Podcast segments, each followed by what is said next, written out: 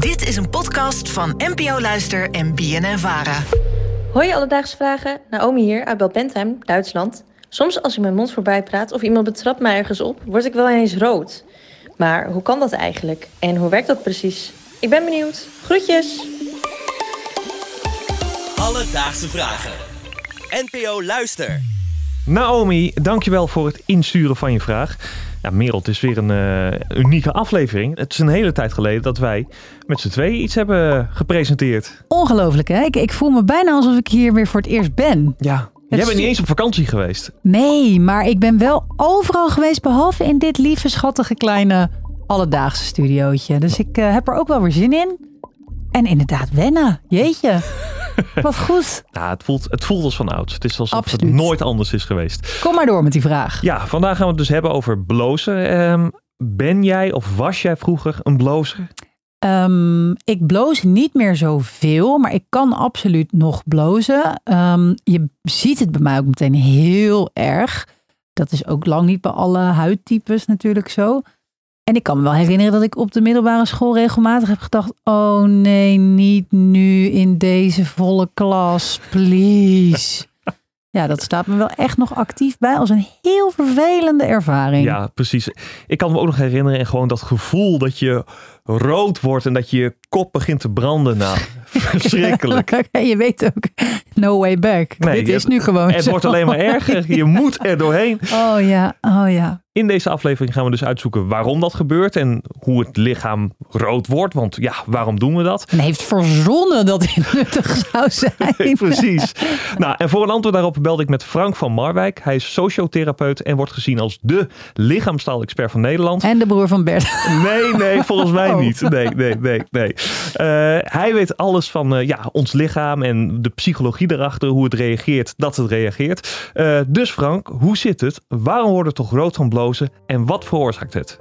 Het is eigenlijk een, eh, een heel fysiek iets. Het is een onvrijwillige reactie van het sympathische zenuwstelsel. We hebben het sympathische en parasympathische zenuwstelsel. Die houden zich bezig met lichamelijke functies. En het sympathische zenuwstelsel reageert vooral bij, bij stress, bij spanning, bij beweging. En je kan dus ook eh, rood worden als je hard sport of seksuele opwinding. En daar kan je ook rood van worden.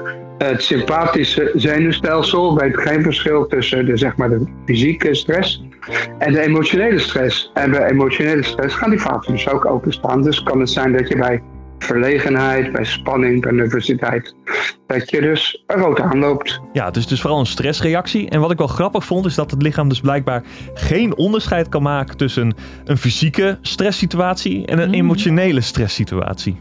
Ja, heb je natuurlijk ook bij mensen die een angststoornis hebben. Dat je gewoon exact dezelfde reactie krijgt als wanneer er echt gevaar zou dreigen. Dus wanneer het echt reëel is, maakt voor je lijf en de reactie helemaal niet uit als het irreëel is. Eh, grappig, want we hebben eerder een keer over rode wangetjes een aflevering gemaakt. Maar dat had echt met, ja, eh, Met de kou te met maken. de kou te maken. Maar er zijn zoveel redenen waardoor je rood kan worden. Het is Ja. ongelooflijk. En eh, nog eventjes teruggaan over naar die fysieke reactie waarom het dus rood wordt. Eh, wat er door die stressreactie dus gebeurt is dat de bloedvaatjes, de kleine bloedvaatjes in je gezicht, die gaan meer openstaan waardoor de doorbloeding toeneemt en je dus die rode gloed krijgt. Nou, we hadden net in het begin al eventjes over dat gevoel dat je aan het blozen bent, dat het zo verschrikkelijk is, dat het echt, nou, dat je wel door de grond kan zakken op dat moment. Ik vroeg ook aan Frank waarom we dat dus zo erg vinden. Eh, je geeft iets van jezelf prijs. Hè? Je, je geeft prijs van jezelf dat je, dat je geëmotioneerd raakt. En als bijvoorbeeld eh, meisjes in een groep staan en een van die meisjes zegt: Kijk, die jongen die, die kijkt naar je.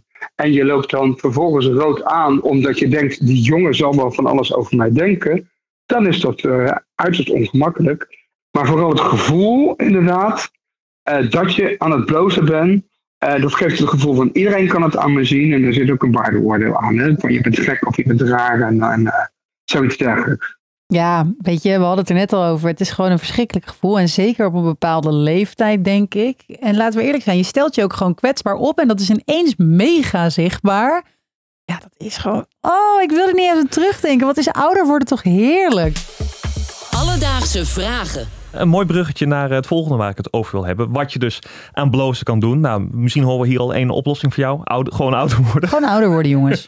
Uh, maar ik vroeg ook nog eventjes aan Frank wat nog andere oplossingen zijn om ermee te dealen. Nou, ik zal met het moeilijkste beginnen. Je kan je medisch laten behandelen. Dus uh, je, je, kan eerst naar een psycholoog gaan of je kan naar een dokter gaan. Die kan je medicijnen geven die wat kalmerend werken.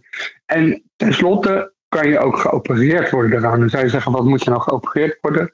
Uh, maar zeg maar dat die, sympathische zenuw, die loopt onder je borstkast langs en die zorgt voor uh, de zweet, uh, uitscheiding en ook voor de plaatsverwijding enzovoort. Die kan je ja, doorknippen en dan heb je het allemaal minder. Maar dat is goed, dat is wel de laatste uitweg. Voor sommige mensen juist moeilijk, maar dat is het niet. Dat is eigenlijk een beetje leren relativeren. En denken van, nou ja, allereerst zullen mensen het veel minder aan mij zien dan dat ik het voel.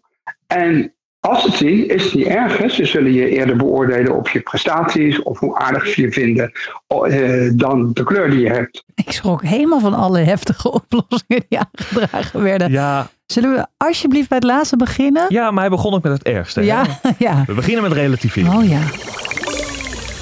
Dus, Naomi, vandaag zocht voor je uit hoe blozen werkt. En blozen is eigenlijk een onvrijwillige reactie van het lichaam op een stressvolle situatie.